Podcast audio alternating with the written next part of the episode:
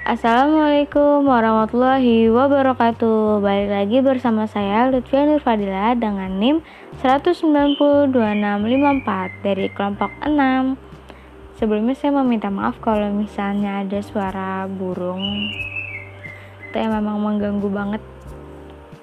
Tapi saya harus tetap melanjutkan podcast ini Podcast kali ini berisi tentang tanggapan saya kepada kelompok 19 Sebelum kita masuk ke podcast inti, saya mau nanya dulu ah, apa kabar teman-teman semuanya?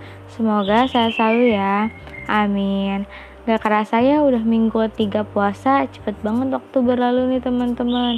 Semoga pandemi ini juga cepat berlalu ya, biar kita juga bisa beraktivitas seperti sedia kala. Nah, gak usah lama-lama berbasa basi Langsung aja kita masuk ke podcast inti. Untuk podcastnya sendiri udah bagus, informatif. Tapi untuk saudari Nida cuma kurang dekat dikit sama micnya, jadi perlu fokus banget buat dengerinnya. Soalnya nggak terlalu kedengeran gitu. Kalau untuk saudari Anggi udah bagus ya makalahnya sendiri.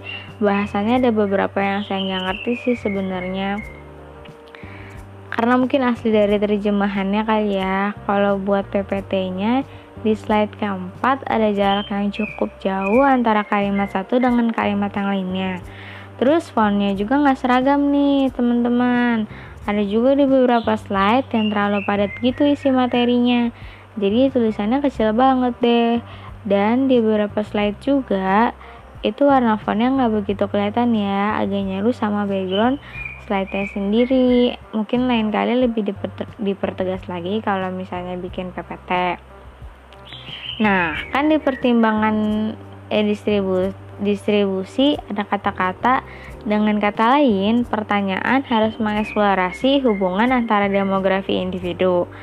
Pertanyaan saya adalah pertanyaan yang seperti apa yang akan kalian gunakan untuk mengeksplorasi hubungan demografi individu Oke, mungkin segitu aja tanggapan dan pertanyaan yang bisa saya sampaikan. Mohon maaf apabila ada salah kata. Wassalamualaikum warahmatullahi wabarakatuh. Sampai jumpa di podcast selanjutnya. Dadah.